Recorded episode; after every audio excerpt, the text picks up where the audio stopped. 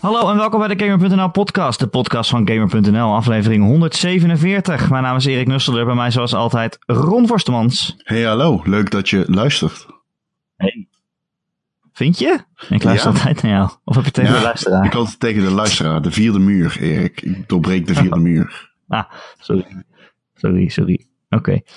Ehm, en vandaag eh, bij ons te gast, eh, voor de eerste keer volgens mij, onze Gamer.nl collega Lars Cornelis. Zeker voor de eerste keer, ja. Ja, dat heeft lang geduurd, Het 147 heeft eh, afleveringen. lang geduurd inderdaad, ja. Maar we zijn eindelijk toch een keer eh, bij elkaar. Nou, het is gelukt. En eh, niet zonder reden. Want, nou ja, je kon er eigenlijk niet omheen deze week. Alles ging over Star Wars Battlefront 2.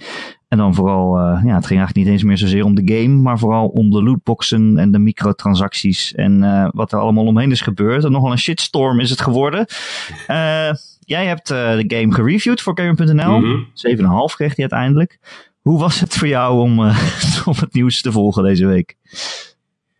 Eh, nou, nogal bizar, want de, nou ja, kijk, laat ik zo zeggen, die shitstorm is natuurlijk niet, die, die, die is zeker terecht en die komt wel ergens vandaan. Dus dat is al apart om een game te reviewen waar iedereen al op dat moment een mening over heeft en waar het internet al vol voor staat. Maar ook dat de, enerzijds de, de, de onwaarheden zich opstapelden, want mensen die riepen van alles wat ook niet waar was, wat dan een beetje de discussie overschaduwt. En tegelijkertijd veranderde de situatie een aantal keer, omdat EA van alles aanpaste met hangen en wurgen. Want ja, ze hebben die, eh, die Heroes hebben ze goedkoper gemaakt. Ze hebben op de dag van de Amerika, nee, dag van de, ja, van de release hebben ze nog de microtransacties stopgezet. Dus ja, dat was wel even een eh, apart geval om te recenseren, ja. Ja, ja, misschien moeten we nog even, eh, voor iedereen die het misschien niet helemaal alles gevolgd heeft. En ik moet zeggen, ik vond het zelf ook lastig om van dag tot dag eh, te volgen wat er nou precies aan de hand was. Maar het ging in ieder geval om het, het lootbox systeem. En dan, eh, ja, er zijn natuurlijk wel meer games met lootboxes. Maar dit, in dit geval was het wel echt dat je voor de multiplayer, ja, echt gewoon in lootboxes die je kocht met echt geld, dat je daar dan mee ook echt een voordeel kon krijgen in, in de multiplayer game, toch? Dat was waar mensen boos Ja. over waren. Klopt. En dat zit eigenlijk zit dat, zit dat, ja, heel diep geworteld in het systeem. En dat is eigenlijk wat bij mij ook het meeste stoorde. Is dat het systeem waarmee je progressie boekt niet, niet lekker functioneert. Kijk, bij Call of Duty krijg je voortdurend eh, upgrades. Hè? Dat systeem hebben ze nou met Call of Duty 4 ooit geïntroduceerd. Je krijgt permanent dingetjes. Maar het zijn vooral nieuwe wapens en eh, later ook allemaal cosmetische dingetjes die niet echt je een voordeel geven, zeg maar. Het is meer een andere manier van spelen die je dan unlockt. Ja, het klopt En in deels. Battlefront krijg je echt een upgrade. Het klopt dus deels. Ja, daar mag je zo meteen over Ja, uitweiden. ja, ja, ja, dat ga ik doen. Maar je, je, je krijgt, je krijgt in, in, eh, in, in Battlefront krijg je echt een, een upgrade die je meer, of die je sneller laat regenereren bijvoorbeeld, of die je granaatkrachtiger maakt. En aangezien je die enerzijds wel gewoon kan vrijspelen, maar anderzijds ook kunt kopen, ja, dat is natuurlijk waar je bij heel veel gamers tegen de borst stuit, omdat het, dat is pay to win. En ja, pay to win is toch voor veel mensen de grens. En die had eh EA wel duidelijk bereikt. Is het, ja, ehm, want, dan, krijg- want je hebt natuurlijk heel veel gespeeld, die game. Krijg je dan dus ook Mhm. inderdaad de situatie van dat jij misschien net met de game begint en dat je dan tegenover iemand komt te staan dat je denkt, jezus, ik krijg hem maar niet dood of hij is gewoon veel beter dan ik. Maar dan zou het dus ook kunnen zijn dat hij gewoon meer spulletjes heeft. Nou, het, dat vond ik juist heel, weer meevallen. Vandaar ook dat die game toch nog gewoon een, ja, een, toch een prima cijfer heeft gescoord. Want er gebeurt in die game zoveel dat die updates ook weer heel marginaal zijn. Weet je, iemand heeft een krachtigere granaat, oké. maar als er drie granaten om je oren vliegen en eentje heeft 5% meer damage, ja, so what?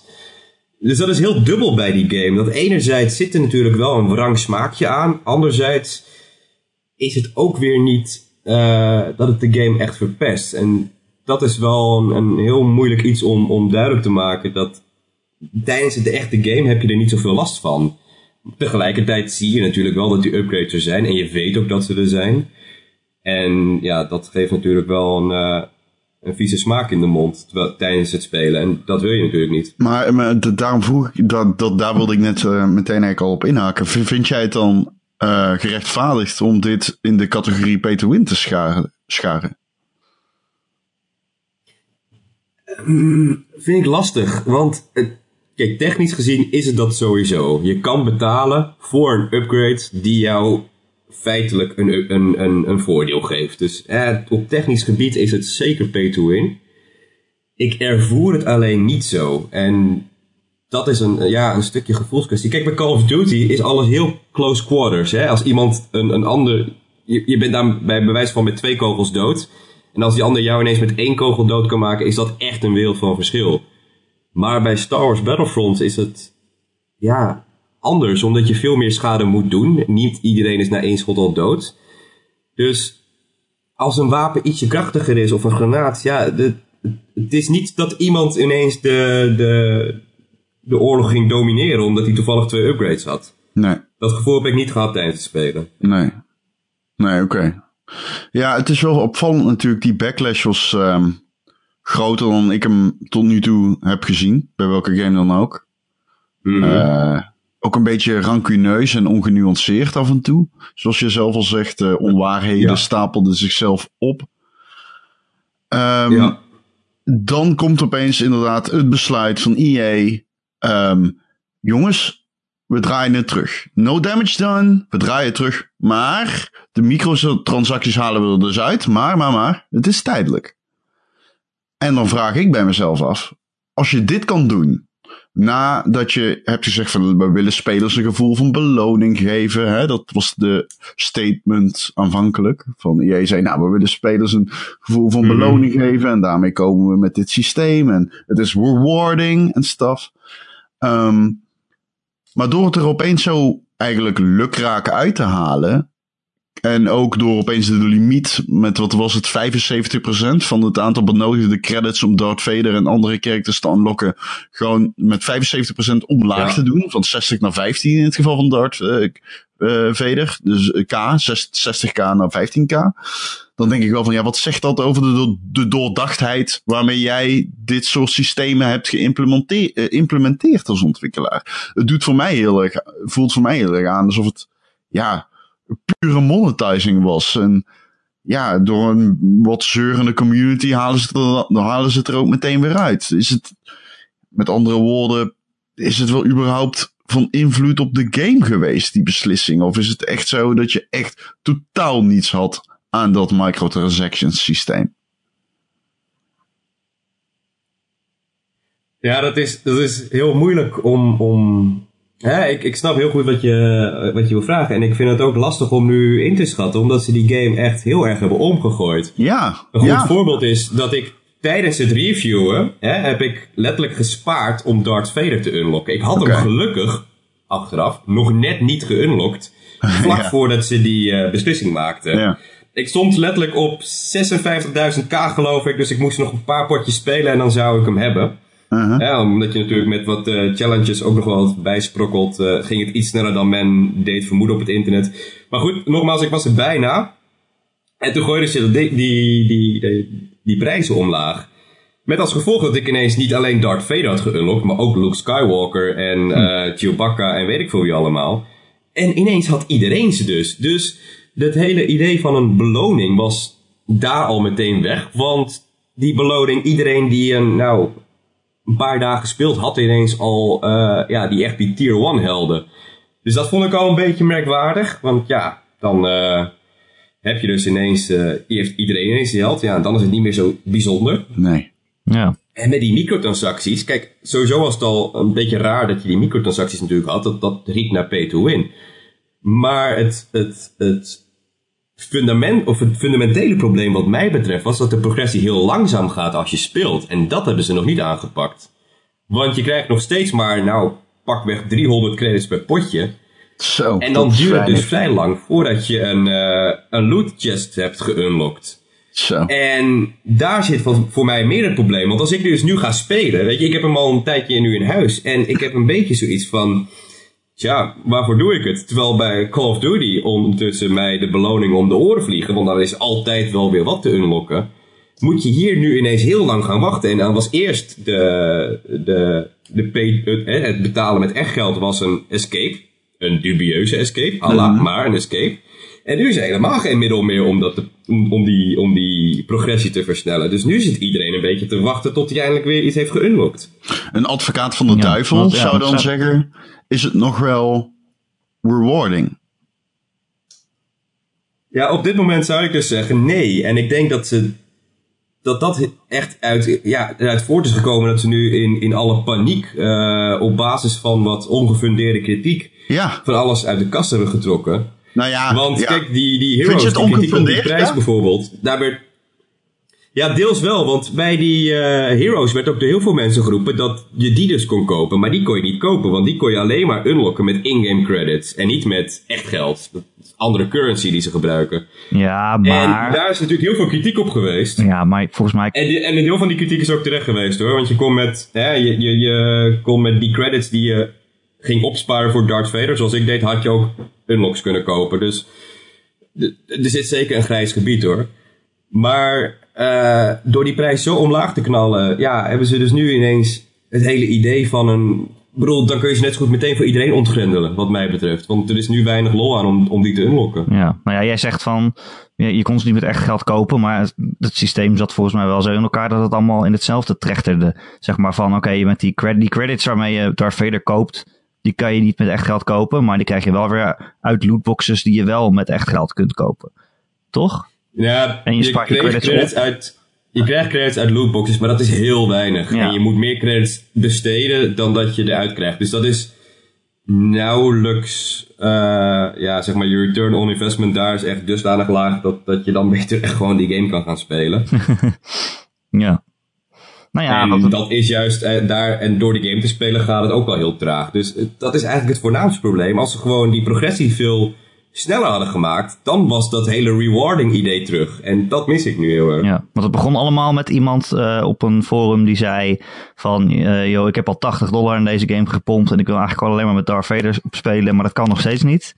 Eh, zelfs niet na 80 dollar. En toen gingen mensen uitrekenen hoe lang het dan zou duren om Darth Vader vrij te spelen en dat was dan 40 uur.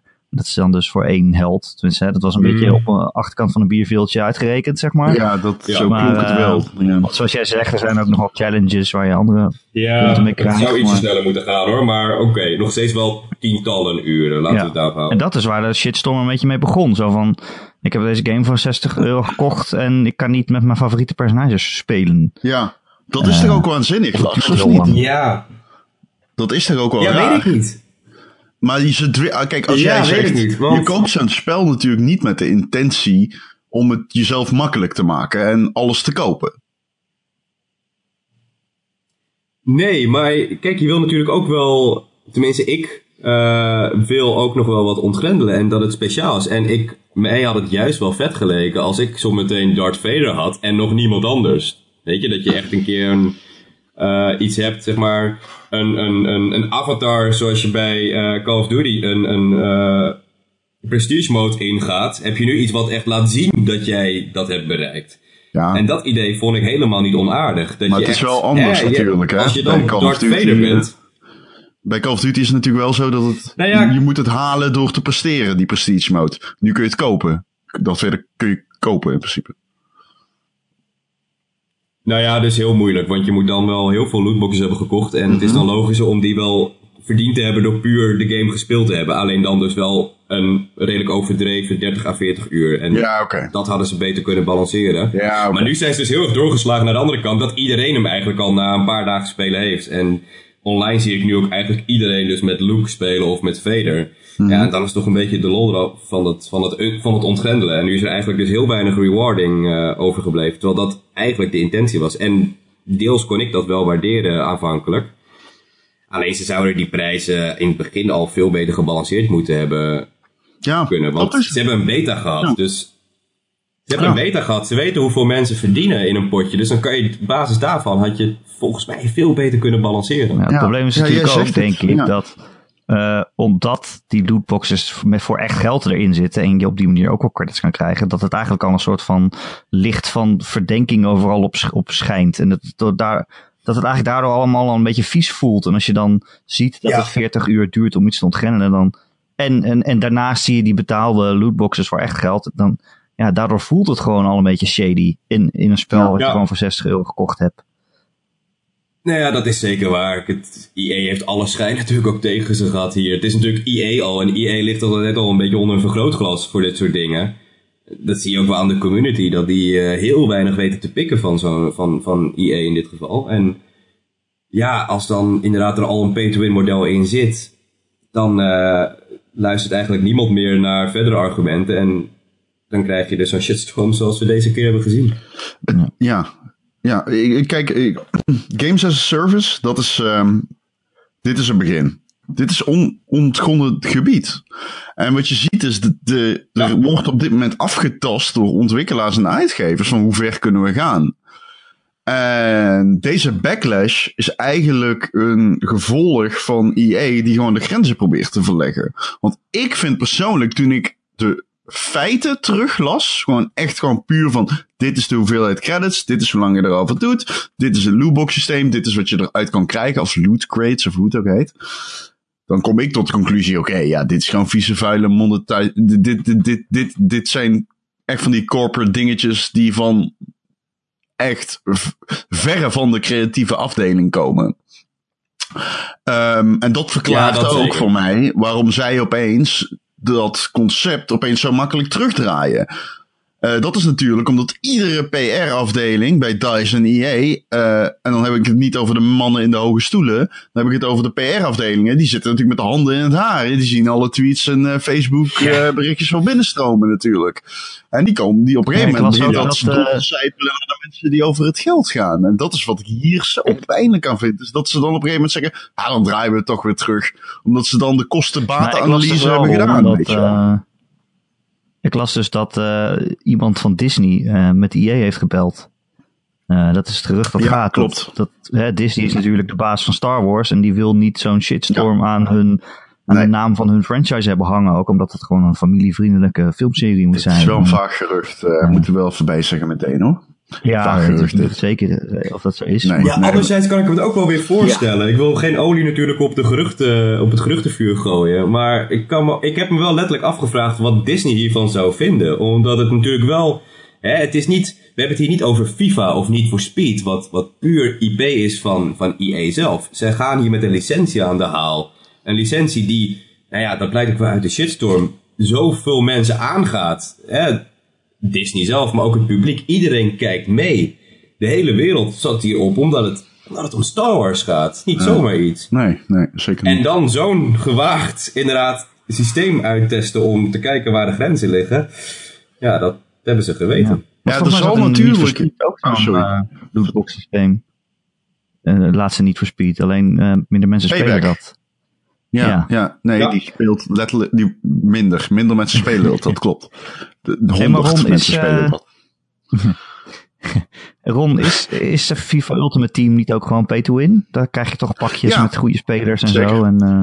Ja, nee, absoluut. En um, ik kijk, deze shitstorm zoals die nu want we komen daar nog bij de beslissing, of beslissing, het onderzoek van de Nederland, Nederlandse kansspel, kansspelautoriteit, denk ik. Um, maar dit is natuurlijk voor ons, wij journalisten, gamers, mensen die al langere tijd in weten wat games as a service zijn, is dit natuurlijk niet echt bepaald nieuw.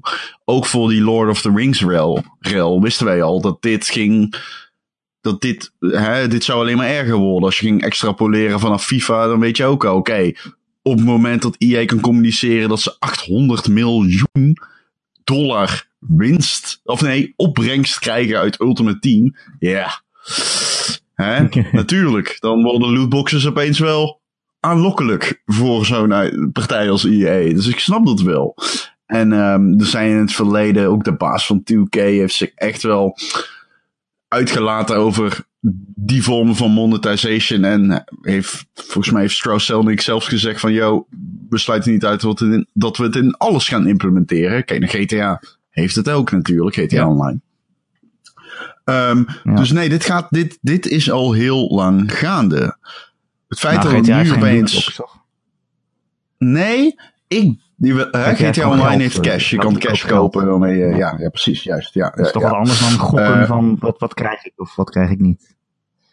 Ja, het is geen digitale fruitautomaat. Je weet wat je krijgt als je het nee. koopt. Dat klopt. Dat klopt. Uh, in dat, die zin is de discussie ook niet zoveel, zo erg dan in het geval van GTA Online van is dit gokken? Uh, het is meer dat je die vorm van monetization steeds vaker terug zult zien keren als je kijkt naar het succes in die games. En lootboxes zijn daar een verlengde van natuurlijk, hè, ten opzichte van traditionele DLC of Season Pass. Ehm, alleen wat ik dus heel. Uh, heel. Ja, kijk, weet je wat ik een beetje denk dat hier erg aan meewerkt? Is juist die licentie. Dit werd echt in brede zin opgepakt door echt heel veel media. Die, die normaal niet over zoiets zouden berichten. En ik denk echt dat dat ook wel een beetje komt omdat het Star Wars is. En Ja, hè, de nieuwe Star Wars komt uit. Want zo simpel is het. Zo kijken mensen, hey, de nieuwe Star Wars ligt in de winkel. En opeens zijn mensen boos erover. En waarom zijn mensen boos erover? Nou, dat is misschien wel interessant om eens in te duiken. Kijk, iedereen kent Star Wars natuurlijk. En dat heeft, er, dat heeft er ook aan bijgedragen dat dit opeens een item is. En dan komen we bij de Nederlandse kansspelautoriteit, die uh, een onderzoek is gestart om te kijken of games met lootboxes, zoals Star Wars, maar um, eigenlijk FIFA is er ook een, uh, of dat kansspelen zijn. En dan kom je op uh, niet zozeer grijs terrein, maar gewoon zwart-wit terrein. Want mocht dat zo het geval zijn, dan is die methodiek van content verkopen opeens gewoon verboden. Want online gokspellen in Nederland zijn nog altijd verboden. Uh, ja. Dat moet echt via hele rare kronkelingen. Moeten ze, moet dat fiscaal uh, vanuit uh, Nederland naar, weet ik veel. Dan gaat het vaak naar de, de eilandjes, weet je al. Ja. de, waar Unibet en zo zitten. Ja, dus ja je weet dat wel. Dit kan grote gevolgen hebben. En dit is een on, on, onwezenlijk, nou ja, een ontzettend interessant keerpunt voor onze industrie dit. Kan het in potentie zijn althans. Want um, wij roepen, jij riep het, ik roep het recentelijk heel erg ook van, ja, het is en blijft een digitale fruitautomaat. En dat is ook zo. En dat maakt dit onderzoek volkomen terecht. En ik vind het ook echt zeker gezien die onwetendheid die heerst bij ouders die niet weten waar hun kinderen hun geld aan uitgeven tegenwoordig. Ja, vind ik dat dit volledig te rechtvaardigen is. En dat je ook echt moet kijken naar de kwade kant hiervan. En uh, zo'n kansspelautoriteit kan dat echt, nou, neem ik aan, vrij helder onderzoeken. Ja. Aan de andere kant vaak wel eens af, zoals zo'n FIFA Ultimate Team. Je krijgt dan een, een, pakje met, met digitale voetbalspelers erin. Ik bedoel, ik kocht vroeger ja. uh, uh, pakjes met kaarten waarvan je niet wist wat Ja. erin zat. En dan probeer je ze Ja, een heel boek vol te sparen. Uh, ja, dat is dan eigenlijk toch ook een beetje gokken. Maar ja, Ja, het is, is een beetje een vraag waar komt de grens te liggen. Ja. Hè? Want met je Pokémon kaarten en je voetbalplaatjes is het systeem op zich hetzelfde. Er wordt dan wel vaak gezegd hè, dat, eh, dat daar een bepaalde ja, een duidelijke kansberekening achter zit. Want het is een fysiek iets en eh, er zijn maar een x aantal kaartjes. Ja. Hè? Dus er is gewoon bekend hoeveel kaartjes er van een bepaalde speler Ja. zijn. En er wordt ook dan nog wel eens gezegd van ja, ze zijn fysiek, dus je kunt ze hebben en ruilen. En als de server eruit, eh, als eh, EA de stekker eruit trekt, dan heb je die kaartjes nog. Ik vind dat ook een beetje van ja, waar, hè, een beetje arbitrair van waar leg je dan die grens? En zijn dat niet de bijzaken, terwijl het gokelement nog hetzelfde blijft? Dus ja, wie weet wat er allemaal nog eh, van kan komen op die manier. ja. Hey, hoe is de game verder? Laten we het daar eens over hebben. Dat zou je bijna, dat zou je bijna Het stuk vergeten. dat een game Ja, aan die- vast aan de fruitautomaat. Zullen we even bij de singleplayer Nou, beginnen? Want daar heb ik echt vragen over. Ja, Daar heb ik echt ik vragen over. Nou, over die singleplayer. brand los. Ik wil gewoon beginnen bij het feit dat die singleplayer verhaallijn, ehm, die is eh, van blijvende invloed op het Star Wars universum. Dat heet dan eh canon. Dat is canon. Mhm. Ik vraag me af, ehm, betekent dat dat die gewoon volledig scheidt, een open eind is? Omdat ze geen risico willen lopen en dus maar gewoon, ja, gewoon van alles wat erin doen. Ehm, ja, dan moet ik het beantwoorden zonder te spoilen Ja. natuurlijk. Ik kan je in ieder geval alvast zeggen dat er ook DLC komt voor de singleplayer. Dat is natuurlijk best wel bijzonder tegenwoordig, zeker bij EA. Eh, Ja. Maar er komt dus downloadable content gratis, want dat is dan wel weer zo bij Battlefront 2, dat alle DLC wordt gratis. Ja. Tenminste, Ja. dat was de belofte. Kijken of ze die nog gaan waarmaken nu. Maar er komt dus ook singleplayer DLC. Dat betekent eigenlijk al meteen dat het verhaal inderdaad niet volledig het is geen Rogue One, laat ik het zo zeggen. Rogue One was een afgesloten verhaal. Eh, dit niet. Ja. En je zegt zelf al van, hè, van blijvende invloed op het universum. Dat zal best, het had geen blijvende invloed op mijn herinneringen, laat ik het Oh. zo zeggen. Want het, het is... Er zitten een paar hele mooie scènes in. Maar eh, het is een beetje alsof ze een verhaal hadden geschreven. En toen dachten, shit, dit is eigenlijk een filmscript van maar anderhalf uur, twee uur. En we moeten er nu nog even drie, vier uur aan vastplakken met wat Ja. opvulsel. En dat doet de game niet echt goed, want het haalt het tempo eruit en ja, voelt een beetje als loszand allemaal bij elkaar geraapt. Nee. Terwijl er, ja, er zitten dus een paar scènes in die echt vet zijn, maar of je daar Ehm, nou de game voor wilt halen... Oké, speel je, want eh, op de E3 krijgen we te zien dat je met, eh, nou, je speelt met een, eh, een, een, een, de dame die Rogue. Ik weet niet zeker wat zij is, maar ze zit bij de Empire. Of in ieder geval, ehm, Aiden Versio inderdaad. Die zit, eh, die, je begint aan de Empire kant. Op het moment zelfs dat boven jou de Death Star ontploft. Ja. Dus dat is wel een, eh, een vet moment. dat, eh, hmm, ja, dat is, dat is tof. Oké, dat, is, dat is dope. Ga je er ook nog heen? Je gaat erheen, hè? Dat, dat, dat prikkelt je als Star Wars fan. Ja. Ja, ja, ik heb iets gehoord over dat je gaat vechten tussen de brokstukken van de oude Death Star. Maar ik weet niet of dat zo is. Ik, laten we dat in het Je midden zit houden. daar anders. even tussen. Is ook, een multipla- is ook een multiplayer map trouwens. Oh, oké. Nou, dan is geen geheim. Fair enough. Maar, en, ehm, en, en hoe heet het? De Star eh, ding. oh ja, de Star Destroyer, toch? Zo heet hij? Of niet? Ja, dat, Eh, die, die, modus. Die, grote. die- Ja, ja, ja, ik, oh, ben ja. even- ik ben de naam even kwijt van de modus. Maar bij de Space Battles zit je daar onder andere tussen. Ja, je hebt het over de modus. Ehm, oké, waar ik benieuwd naar ben, is, speel je alleen met haar? Nee, Oh. Je weet met wie wel, of nee, niet? ja. Nee. Nou ja, ik weet niet. Kijk, voor mij, je, je hoeft niet per se te vertellen met... Ja, ja, nou, het zit erin, Erik. Het zullen wel iconische Star Wars Nee, zijn. er, er zijn een aantal, en dat is precies wat ik bedoel met het opvul, want het verhaal van Aiden Vergio is nog ja, best oké. hè. ik, zou daar, ik, ik heb me daar best wel mee vermaakt, maar het wordt een beetje opgevuld met, eh, met scènes waarin je een aantal andere personages onder de knoppen krijgt. En ja, die voelen een beetje als een soort verkapte tutorial voor de multiplayer. Zo van, ga nu eens met hem of met haar spelen en Oh, eh, ja. ja, ervaar eens hoe dat is. Sommige mensen noemen dat fanservice, heb ik al gelezen. Ik kijk daar anders tegenaan. Ja, nogmaals, het voelt er echt een beetje bij, bijgeharkt bij en had voor mij niet gehoeven. Maar ja, dan had je dus een single Oké. play gehouden van twee uur lang, dus ook weer niet alles. Nee. Nee. Nee. Oké. Maar voelt Oké, het wel... oké. Want nogmaals, het, het, het, het lijkt als, het lijkt alsof het geschreven is als een filmscript en een film duurt maar twee uur. Dus ja, dan...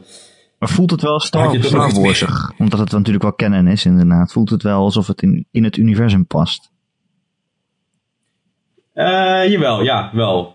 Ik had er iets meer nog van verwacht, want er zit natuurlijk een behoorlijk gat tussen eh, eh, Return of the Jedi en eh, the, Force Awakens. En deel 6 en deel 7. Dus ineens is daar de New Order, dus ik had daar wat meer van verwacht.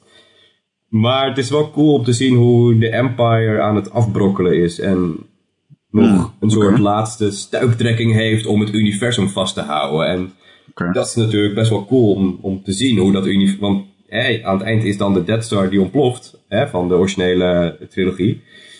Maar dan heb je nog niet alle Stormtroopers verslagen. En dat zien we hier een beetje van wat doen al die Stormtroopers dan op dat moment. Oh ja. En dat is best cool. Is, de- ja, is deze game de moeite waard om te kopen als je niet per se op zoek bent naar een multiplayer spel?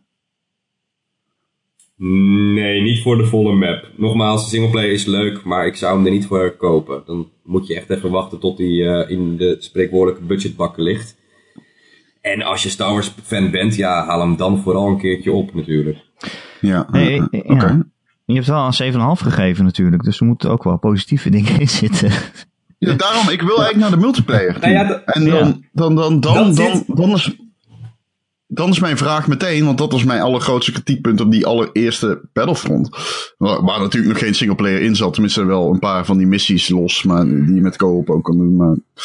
Kijk, ehm, of tegen AI ook bedoel ik. Maar ehm, die game was zo simpel in mechanics en in de, die, die diepgang die mensen in Battlefield zochten, zat totaal niet in Battlefront. En dat is op zich niet per se erg. Het zijn twee verschillende games.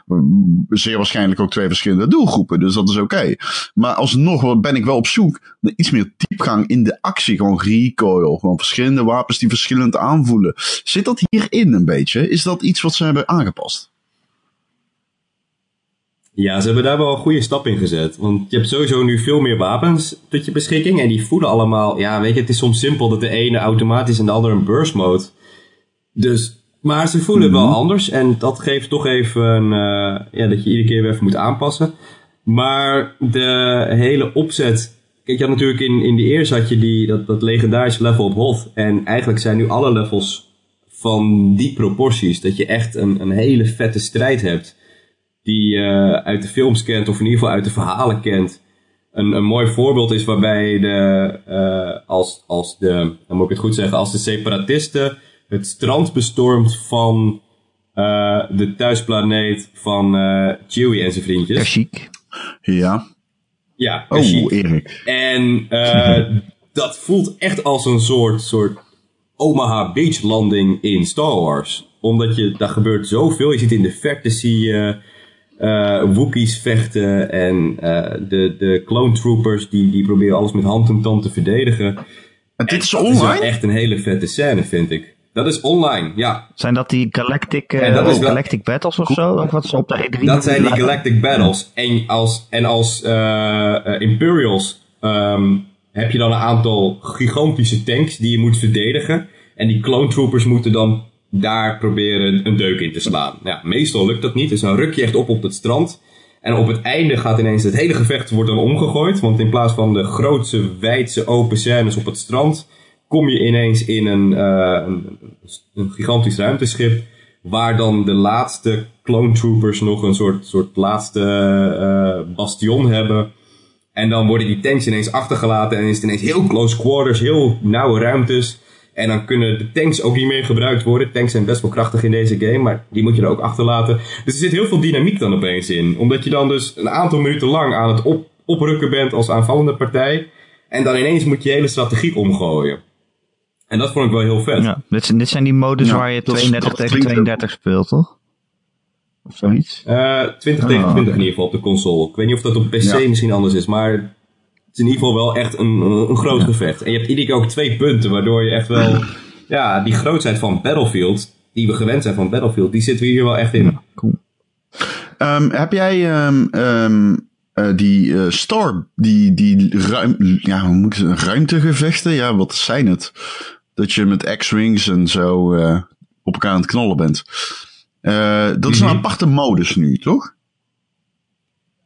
Ja, je hebt eh, tijdens de gewone ge- de Galactic Assault Battles die ik net omschreef, zitten ook eh, schepen in. Alleen dat is ja, een beetje zoals je de jets hebt in Battlefield. Er zijn er een paar in de lucht en die zitten vooral op elkaar te knallen.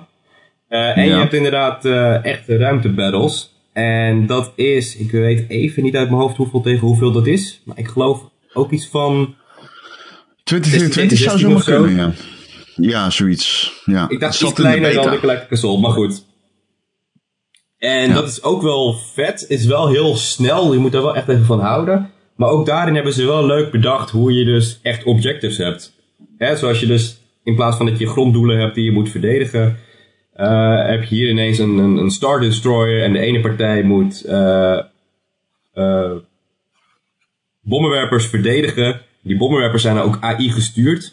En de andere partij moet dan die, die Star Destroyer verdedigen door die bommenwerpers juist uit te schakelen. Dus het is ook niet alsof je alleen maar een soort verkapte deathmatch in space hebt. Nee. Het is ook daar wel weer echt eh, objective-based. En dat is wel heel cool. Oké, oké, oké. Zit er eh, wat, hoe zit het met het aantal maps? Is dat een beetje oké? Ja, anno nu is dat wel eh, oké. Ik geloof uit mijn hoofd dat er iets van 10 maps zijn voor een Galactic Assault. Pin me niet helemaal vast op de nummers. En ook een aantal, ja, kijk, die Space. Battles zijn natuurlijk ook weer anders.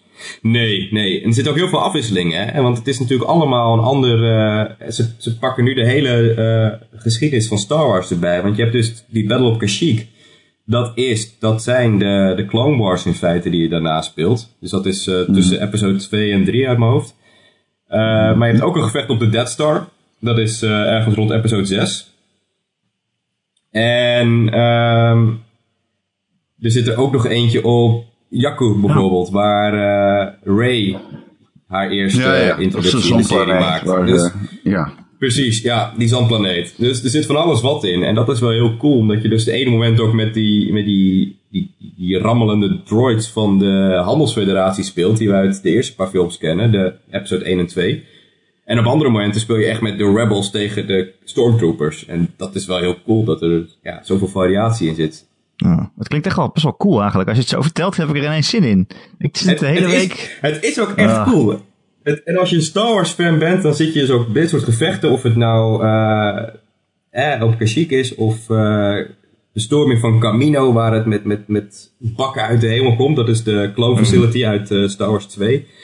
Uh, of dus um, op de Death Star vecht. Het is allemaal echt heel cool en het ziet er allemaal heel erg gelikt uit. Ja. En ook de animaties waarmee een, een, een, een stormtrooper Oh, door de lucht geluid. vliegt na een explosie. Het is precies, het, het geluid, de beelden, alles klopt.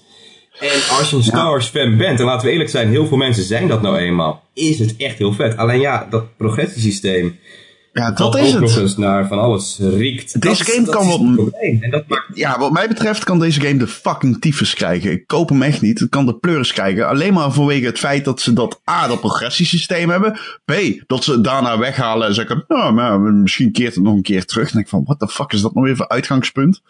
Eh, nee, nee, nee. Ik laat me niet in mijn portemonnee neuken. Ik krijg een pleuris maar met je pay-to-win systeem. Ja. Nou, en zo ik. zullen heel veel gamers dus denken. Want juist dat progressiesysteem is er toch voor, hè, om even heel zwart-wit een, een, een tweedeling te maken tussen de, de, de mainstream en de hardcore gamer. De hardcore gamer, die valt hierover. Die hoor je ook op het internet. Maar eh, de mainstream gamer, en dat zijn er eenmaal veel meer, ja, die zullen die game wel kopen. Die zullen er ook niet zo Zeker. wakker van liggen. En Nee, absoluut. die willen gewoon Star Wars. Absoluut. En dat is dit wel. Dus in zoverre Zeker. zullen ik niet snel teleurgesteld zijn. De nieuwe Star Wars is uit, Johan. Kom, we gaan hem kopen, zeggen ze dan tegen elkaar. En dat is wat er eh, op zich, eh daar valt ook eh, weinig op aan te brengen. Het- oh, aan te Ja, merken natuurlijk. ja, en die doelgroep zal ook heus wel tevreden zijn hiermee. Want het is wel echt op en top Star Wars. En heel goed uitgewerkt. Tot in de details, weet je. Als je spant, dan de, de cameraovergang komt uit de films. Er zit zoveel detail Oh, in. Ja, maar als je, als je het ziet, dan weet je wel wat ik bedoel. Het is zo'n zo'n Ja, schuine eh, ja. fade-out. Ja, dat, en dat is, deel dat is één wat ook, die films hebben. Ja. Ja, ja, ja, deel 1 deed dat. Die, die raakt ook al die snaar. En dat doen ze hier Ja, nog ja. zo mogelijk nog net even je moet echt beter. stoppen met praten, want ik krijg geen zin dat om die altijd de Star. Wars ervaring. Als je hier zin van krijgt, kan je beter de films gaan, gaan eh, Ja, kijken. die ken ik al. Want dan heb je in ieder geval niet gek, dat gekke progressiesysteem. Ja, zet gewoon een, eh, een, een- zo'n muziekje op. En eh zwaai een beetje met een, met een bezemsteel. Dan zit je er helemaal in. Dit is hoe lang wij al podcasten, Ron? Ja, dat kan je ook doen. Dat de, een beetje de running gag in onze podcast, dat we zo'n hekel hebben aan het woord ervaring, dat komt van de eerste Battlefront. Ja, Toen we het steeds hadden over, toen Joe Ja, steeds had over de Star Wars Maar dat is ervaring. meer van mij. Hm? Ik, ik zeg dat altijd, omdat ik altijd in recensies, is dat het eerste wat ik eruit haal gewoon. Omdat een ervaring subjectief is. En ik geloof best dat jij het mooie ervaring, een mooie ervaring hebt. Maar als ik iemand opeens in mijn straat kakt.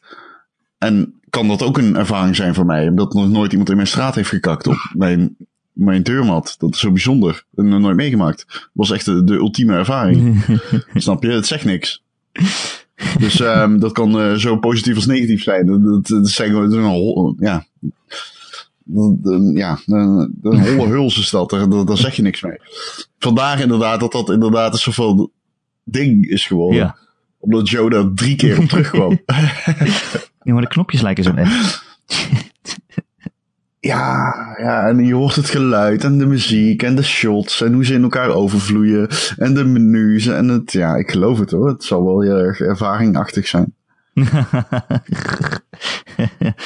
oh man. Maar Natuurlijk, het is inderdaad niet, ik zeg niet, nog, nog steeds niks over de kwaliteit van de game. Maar het, het is wel een, een bepaalde snaar die de game heel goed weet te raken. En die zal bij heel veel mensen dus ook geraakt worden. En Ja, dat, dat zal is juist de doelgroep zijn die minder wakker ligt van de, de microtransacties en dat hele geheim. Ja. Maar ik ga me Nee. toch, ik ga me toch Nee. inhouden.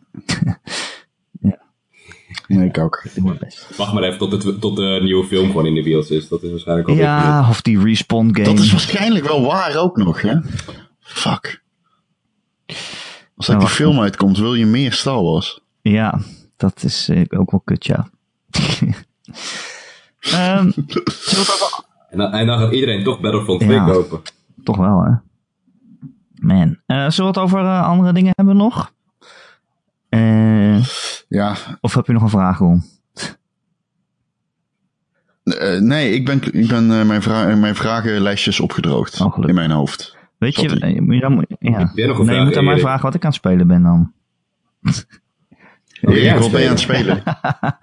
ik speel, uh, ik speel uh, L.A. Noir op de Switch.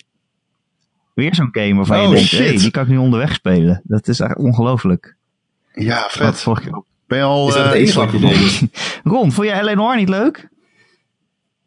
Jawel, te halverwege. En daarna dacht ik, ja, oké. nou. Ik vind het een Ik ken hele... het wel. Ik, het is echt een heel bijzondere game. Dat vond ik toen al en het is nu nog steeds zo. En, want ja, het kwam natuurlijk zes jaar geleden of zo uit. En er is daarna nooit meer zoiets gemaakt. Want je, eh, toen dacht, dacht ik Nee, wel zoiets van... nee, nou, nou, nou, ik vond het echt wel een leuke game. Nee, ik snap Ja, goed wat je zegt hoor. Maar ik heb een beetje de- hetzelfde als Ron. Dat ik zoiets had van halverwege leuk. Maar ja. Op een gegeven moment werd er wel heel erg veel. Yo, we hebben content, maar de content verschilt niet. Maar hey, we hebben in ieder geval. eh het duurt in ieder geval, we hebben weer een uur eraan geplakt. Dat Nou, was wel heel erg eh, alleen maar. Dan heb ik goed nieuws voor jullie, want alle DLC zit in dit pakket. Dus je hebt vier extra cases en die zitten gewoon tussen het verhaal door. Dus zijn ze extra lang. Oké. Nee, ja, weet je. Ik vind het En je kan hem over, onderweg spelen. En je kan onderweg spelen, ja, ja, ja. En ja, ja vorige keer had het er al over toen... Hoe toen- houdt die game zich grafisch inmiddels? Daar ben ik benieuwd naar. Best wel verrassend gezichtsanimaties en zo. Ja, dat Ja? is het dus. Ja, dat Het dacht is ik steeds al. gewoon echt hele Ja. goede motion capture. En eigenlijk eh, is, ja, wordt het nog ja. steeds niet zo goed gedaan als dat het toen gedaan werd. Zeg maar de motion capture van gezichten. Eh, je- Nee, ook Uh-huh. niet als we dan nu kijken naar eh The Last of Us en Uncharted. Nee. Is dat ook nog steeds Nee, niet vind dat ik niet. niveau? Nee? Oké. Nou ja, kijk, er zijn wel dingetjes. Ja, het is, ja, eh, het zit vooral een beetje die Uncanny Valley. Het zit wel vooral in de ogen en zo. En ehm, ze hebben toen alles gez- gezet op, op het capturen van alleen het gezicht, hè. Ze hadden acteurs echt in de stoel zitten en ze filmden alleen het gezicht. Dus zeg maar de rest van het lichaam is dan nog een beetje raar. Dat beweegt dan niet altijd helemaal eh, eh, goed met het, met, met het hoofd mee, zeg maar. Zoals, zoals het na- natuurlijk zou horen. Eh, maar de gezichten zelf is wel echt, het is nog steeds bijzonder hoor. Die game die draait natuurlijk om, je bent een detective en je bent mensen aan het interviewen en dan moet jij beslissen of ze liegen of niet. En dat zie je dan aan hele kleine dingetjes, dat ze net even wegkijken of dat ze net met, met hun mond eh, iets, iets bewegen of zo, of hun neus optrekken. En dat is toch wel echt wel bijzonder hoor. Dat, dat is nog steeds niet, wordt dat niet zo goed gedaan eh, als in die game. Alleen ja, het gaat dan wel alleen om, om gezichtstrekjes, wat, wat, wat goed gecaptured wordt. En de rest eh, is inmiddels de te- technologie ervan verbeterd natuurlijk. Maar ik, ja, ik vind wel dat het opvallend goed zich houdt nog op de Switch. Ja. Nou, dat is mooi om te horen. Ja, het is wel iets vager. Zeker als je hem in handheld mode speelt, dan is hij 27p. En dan op Ja. de tv is het wel 1080. Eh, en ja. Ja. weet je, hij is ook opnieuw uitgebracht voor PlayStation 4 en Xbox One natuurlijk. En daar speel je hem wel 4K en HDR en zo. HDR. Ja, dus eh, nou ja, dat is dan gewoon een verschil. Maar nee, ik vind het nog steeds leuk om te spelen. En wat ik zeg, het is echt, het is ja, een soort van evolutie van de, van de point-and-click adventure of zo. Het was natuurlijk ook waar heel veel mensen toen mee zaten. Zo van, ja, je hebt dus een grote open wereld, eh, een grote open Los Angeles waar je in rond kan rijden. Maar daar is verder eigenlijk niks te doen. Eh, en dat is ook zo, want het is eigenlijk gewoon een, een lineair verhaal. eh, ja, waarin je eigenlijk alleen het verhaal volgt. En die tussenmissies en zo, die zijn er eigenlijk niet. Of die zijn niet leuk. Het is heel eh, on- oneven, het spel. Het, het is helemaal niet in balans. Ik bedoel, tijdens, tijdens de missies ben je een, een goede agent die iedereen in leven probeert te houden. En dan tijdens zijn missies knal je ineens 13 bankrovers door hun hoofd heen. Eh, dus dat voelt ook heel erg raar. En eh, ja, het verhaal is ook nog steeds echt een rompeltje. Dus daar is volgens mij in het script gesneden waardoor het ineens niet meer logisch is. Maar weet je, Oké. Als het werkt, werkt het wel erg goed. Dat je echt een detective bent, je bent naar, naar hints op zoek en je interviewt mensen en je, je moet goede vragen stellen en soms moet je ze op een leugen betrappen en dan moet je ze bewijs onder hun neus duwen en dan, en dan geven ze toch nog weer net wat meer informatieprijs als je dat goed doet. En eh, je kan dus ook gewoon falen, dat je gewoon de verkeerde in de cel zet of eh, de, de- ja, dat ze ermee wegkomen of- omdat je, eh, omdat je gewoon niet alle bewijzen hebt verzameld en ze gewoon niet goed geïnterviewd hebt. Dat vind ik ook wel altijd bijzonder. Dan moet je gewoon die case nog een keer opnieuw spelen om, om de vijf sterren te halen. Want ik ben er ook wel heel erg slecht in, moet ik zeggen. Dus alles gaat de hele tijd fout. Dat is echt super kut. Is het, is het een game die jij jezelf ook onderweg ziet spelen, vraag ik me af. Nou, Want sterker nog. als ik terugdenk aan deze game, dan denk ik wel aan even alles eh, hè, rustig op de bank, als een soort goed boek wat je openslaat en, en even helemaal ongestoord wilt doen. Ja. En niet iets wat je even in de trein, terwijl uh, allemaal dingen om je heen gebeuren, uh, wilt spelen. Want je wilt letten op die, die, die, dat, dat kleine bewegingstrekje in het gezicht. Ja, lees jij nooit een goed boek in de trein dan? Ja.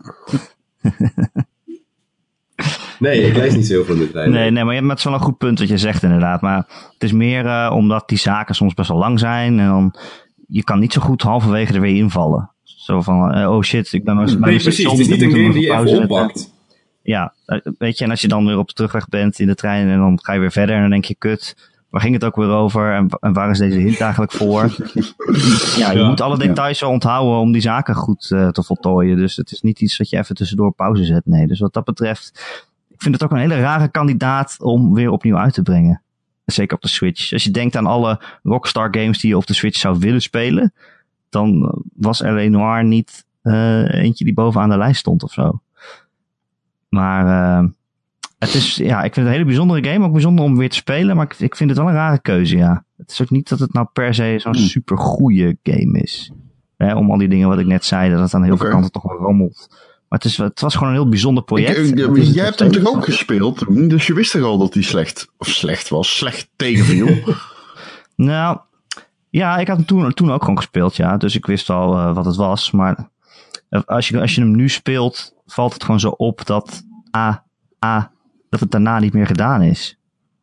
En uh, ja, waarom dan niet, vraag je dan af. Hè? Want het was echt wel het begin van iets, van iets bijzonders. Van, van de technologie op een andere manier gebruiken. En zeker dat, dat motion capture, gewoon die menselijke trekjes in, in gezichten krijgen. Uh, en op die manier mensen interviewen. Ik vond het wel heel bijzonder. Ik vond het toen ook jammer dat hij tegenviel. Dat vind ik eigenlijk nog steeds. Omdat dat ik deze game gewoon meer had gegund. Gewoon een betere script en... en mm. ja, ja absoluut. Ja, de techniek in die game is zo fantastisch. Daarom, ja. Weet je. Ja. Sommige technieken in die game waren echt fantastisch. Ja. dus het is gewoon nog steeds een bijzonder uh, iets om, om, uh, om te spelen. En niet zozeer omdat het dan zo goed is, maar gewoon om te bekijken van wat zouden we nog meer met games kunnen, weet je wel. Okay, dit is dan misschien niet helemaal goed gelukt. Het is nog steeds heel leuk om te spelen hoor, daar niet van, maar ja. Ja, maar iemand moet het een keer okay. voor het eerst geprobeerd hebben natuurlijk. Dus. Heb je verder nog iets gespeeld, uh, Erik? Uh, ja, Mario, uh, Ron. ik heb Mario uitgespeeld trouwens. Nou, daar wilde ik dus heen. Vraag even aan mij, Ron, wat heb jij nog gespeeld? Ron, wat heb jij dan nog gespeeld? Nou, Erik, wow. Toevallig dat je dat vraagt. Ik heb Mario uitgespeeld. Oh. En um, ik, ook. ik um, ben begonnen aan de fascinerend rijke endgame content. Ik had hem uitgespeeld. En ik zal het niet spoilen, maar ik dacht echt, wow, what? Oké, oké. Okay, Dit is wel apart. Het had ik niet uh, aanzien komen dat het nog zo rijkelijk belegd zou zijn, de boterham, zeg maar. Ja. Het begint eigenlijk pas na het uitspelen. Als je gewoon de rest van de maanden gaat halen eigenlijk. Ja, dat vind ik niet waar. dat vind ik te, te makkelijk. Maar uh, er zit wel een hele fikse staart aan, ja. Dat mag je echt wel zeggen, ja. Over het einde zelf. Ik heb dat echt met een glimlach op mijn glimlach uh, gespeeld. Dat laatste level. Fantastisch. Ja, ja, zeker. Maar heb je dan niet van... Hè, nou, ik zeg van het begint eigenlijk nu pas, maar niet zozeer om het verhaal of omdat je nu pas het spel ontdekt, maar wel de, moeilijkheidsgraad gaat wel omhoog, zeg maar. Nou, dat is niet overdreven inderdaad. Dat kun je wel stellen. Um, de moeilijkheidsgraad gaat... Uh, ja, ik weet niet precies waar jij bent in de endgame. Um, ik weet ook al wat er gaat komen echt, echt als end, end, end, end, endgame. En um, ja, bedoel, dit, ik weet niet of dit een spoiler is. Als we het nu gaan hebben over de endgame content van Mario, is dat dan een spoiler? Ja, dat, laten we dat niet doen. Laten we dat niet doen. Oké, okay, vooruit. Dan gaan we het er niet over hebben. Maar het wordt echt veel moeilijker allemaal. Ja. Um, maar wat mij verbaasde was meer dat, um, kijk, ik vind niet, kijk, al die werelden heb je al gehad. Uh, er komen dingen bij, zeker. Um, dat is super interessant gedaan. En dat is wat mij zo verraste. Uh, het is natuurlijk niet zo verrassend als de beste momenten van die campaign zijn. Nee. Uh, dus om dan te zeggen dat het zeg maar dan begint, vind ik een beetje daarmee leg je de, de lat heel, heel hoog. um, maar het is wel zo dat je na het uitspelen van die campaign denkt, ik wil meer Mario. En Damn. En dat is het. Dat krijg je. Dat krijg je echt. En precies op de manier hoe je het wilt ook. Ja.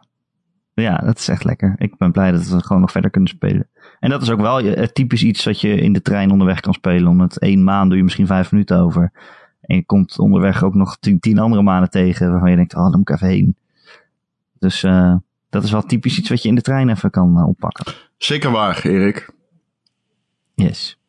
Uh, Lars, heb jij nog wat anders gespeeld dan Star Wars? Ik ben eindelijk begonnen aan uh, Wolfenstein. Oeh. Veel goeds over gehoord, maar zelf had ik hem nog niet oh, kunnen oh, spelen helaas. Oh, ho, ho, ho. Ja, dat is uh, wel iets waar... Ja, waar ben ik? Uh, net na het moment. Wat we ook maar niet oh. moeten spoilen, denk ik. ja, maar als je zegt het moment in Wolfenstein kun je het echt... Er schieten gewoon twintig dingen door mijn hoofd. Ja, maar volgens mij is dit wel het, zeg maar, het hoofdmoment van de game. Ja, is dit een letterlijke... ik kan het niet over zeggen, dan gaan mensen spoilen. Oké, oké. Kom op. Ja, nee, maar, maar... Zit, ik bedoel, deze, maar ik meen het, ik weet niet waar je zit als je in het begin... Als je in het begin zit, toen dacht ik ook, ja, het kan niet, uh, dit is wel echt heftig. En toen ging het verder en dacht ik, oh, Okay, ja, misschien, dus... misschien, misschien, moet ik er nog gewoon verder spelen en uh, was dit nog maar het begin, dat weet ik niet. Maar Zit je ja, op de helft? zeker een game. Ik weet niet waar de helft is. ik weet niet hoe lang uh, duurt. Ik heb 7 uur gespeeld nu. Oké, okay, oké. Okay. Dan weet ik welk moment je bedoelt. Maar het is, maar, het is uh, inderdaad wel een game waarbij het de, de momenten zich opstapelen. Dat is wel echt... Oh. Hij is, hij is, hij is sterk geschreven, laat ik het daarop houden. Ja, het is oh. echt sterk geschreven. En het, het, mooi, het, het mooiste, het mooiste vind ik misschien. Het mooiste vind ik misschien wel die arcade die in jouw, jouw moederschip staat. Waar je niet Wolfenstein 3D kunt spelen, maar Wolfstone. Wat een, een, een de, de persiflage compleet maakt. Want wat als inderdaad de Duitsers de oorlog hebben gewonnen, dan speel je dus niet als een Amerikaanse gevangene in een Duits kamp, maar als een Duitse gevangenen in een Amerikaans kamp. En terwijl het dezelfde game is als uit 1992, maar dan met allemaal assets en geluidjes die aangepast zijn. En die game, daar ben ik mee opgegroeid. Dat is letterlijk de eerste game die ik ooit serieus speelde. En om die game dan in een soort bizarre alternatieve remake te zien. Nou, dat, dat, en dat is dan gewoon een easter egg in je moederschip. Ja, maar het is, Wolfenstein. Hoeveel daarin zit. Ja, precies hoeveel daarin zit. Want uh, for real, toen jij zei het moment, ik, ik zou inmiddels denk ik wel te weten wat je bedoelt.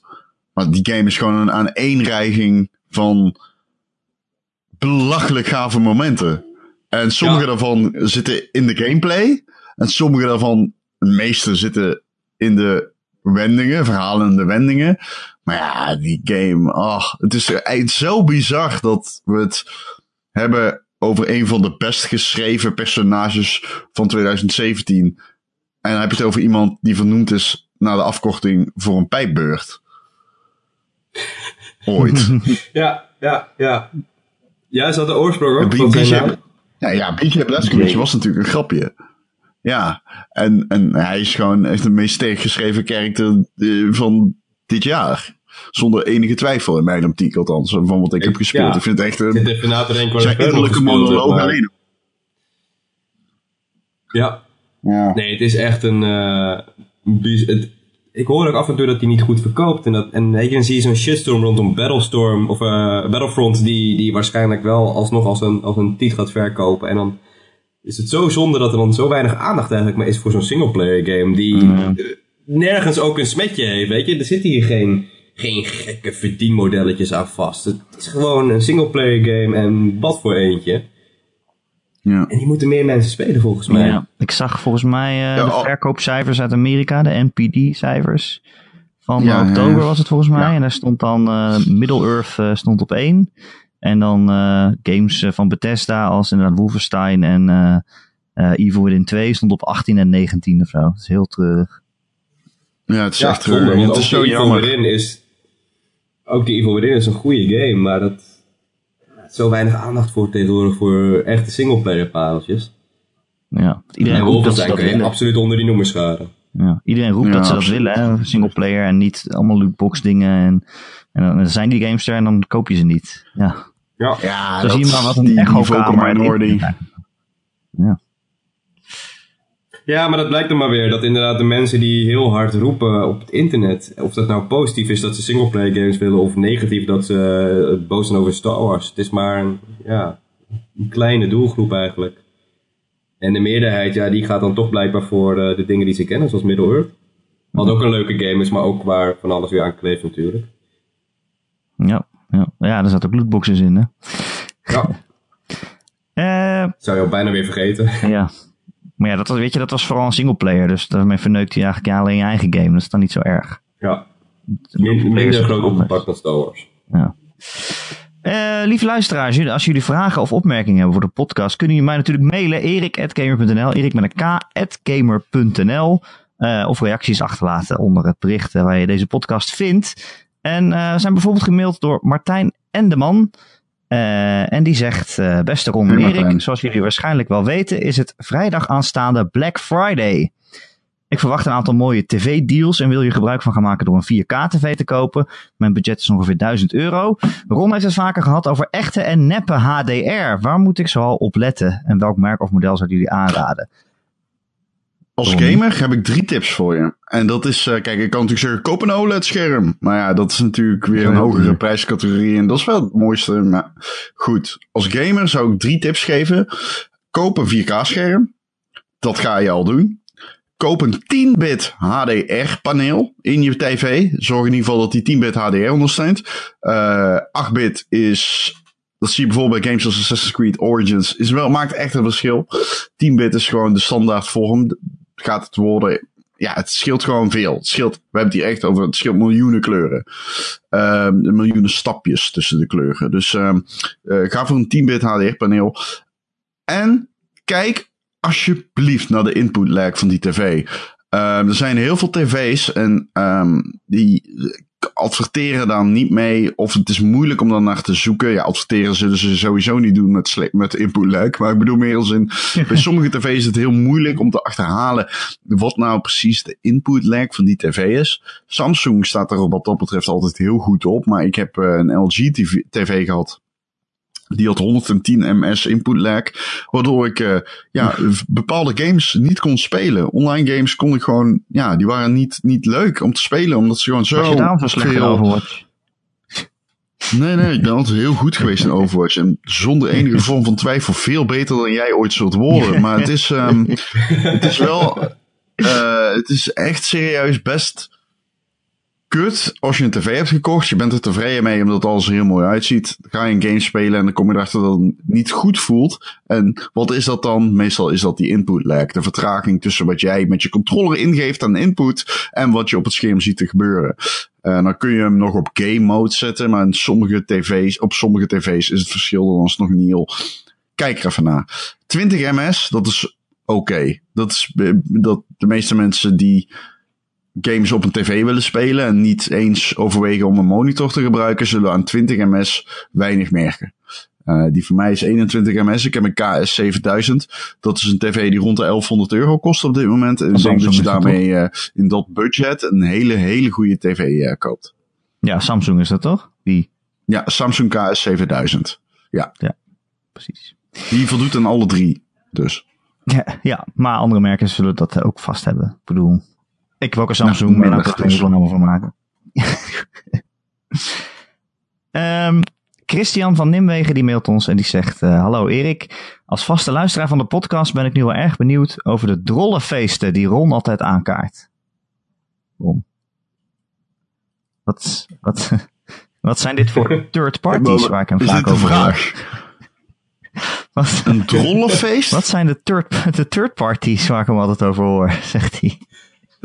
Wat de third parties? Nee, ik weet niet. Ja, dat zijn Ik weet niet parties met heel, wat? Oh ja, third. Ik snap hem. heel veel features hebben die. Eh, ja, eh, weet ik veel. het is, eh, het, het is, ja, je kom maar naar Tilburg, dan zul je het weten. De gemoederen kunnen hoog oplopen tijdens zo'n... eh, Op de stoep schijten. Dus, eh, tijdens zo'n drollenfeest, drollenfeest kunnen de gemoederen hoog oplopen. Maar eh, je vergeet het nooit. Wat voor ervaring is is dat, echt, eh, wat je wel kan zeggen, een hele ervaring. Ja, dat wilde ik net zeggen. Storm is het. en zo is de podcast weer rond.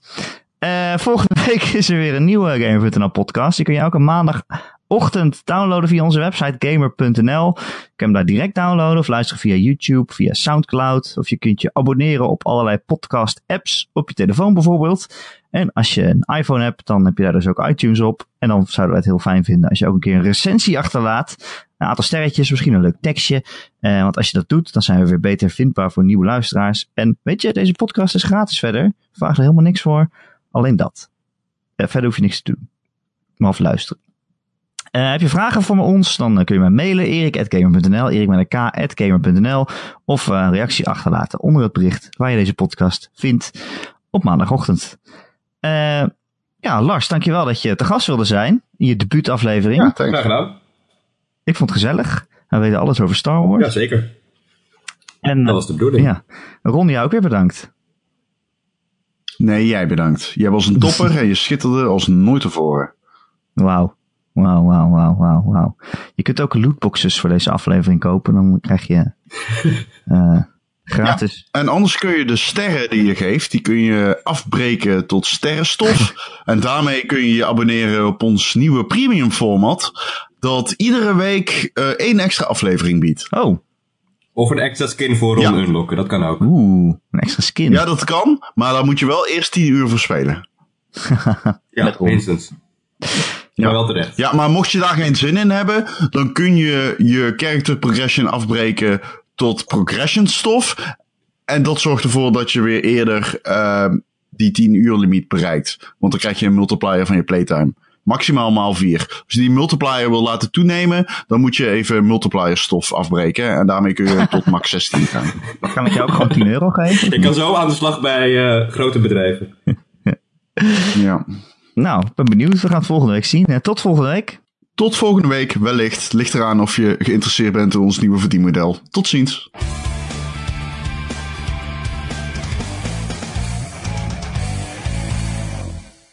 Ah, Goed. Wat een toppodcast. Ja, Het is altijd een uur lang. ja, precies een uur. Ik heb een, Ja, het is altijd. een wekkertje lopen. En dan, eh, nee, ja, we mikken altijd ongeveer op een uur. Ja, soms gaan we er wel eens overheen. Kan gebeuren. Ja, kan gebeuren. Erik gaat overal overheen. Dus, eh.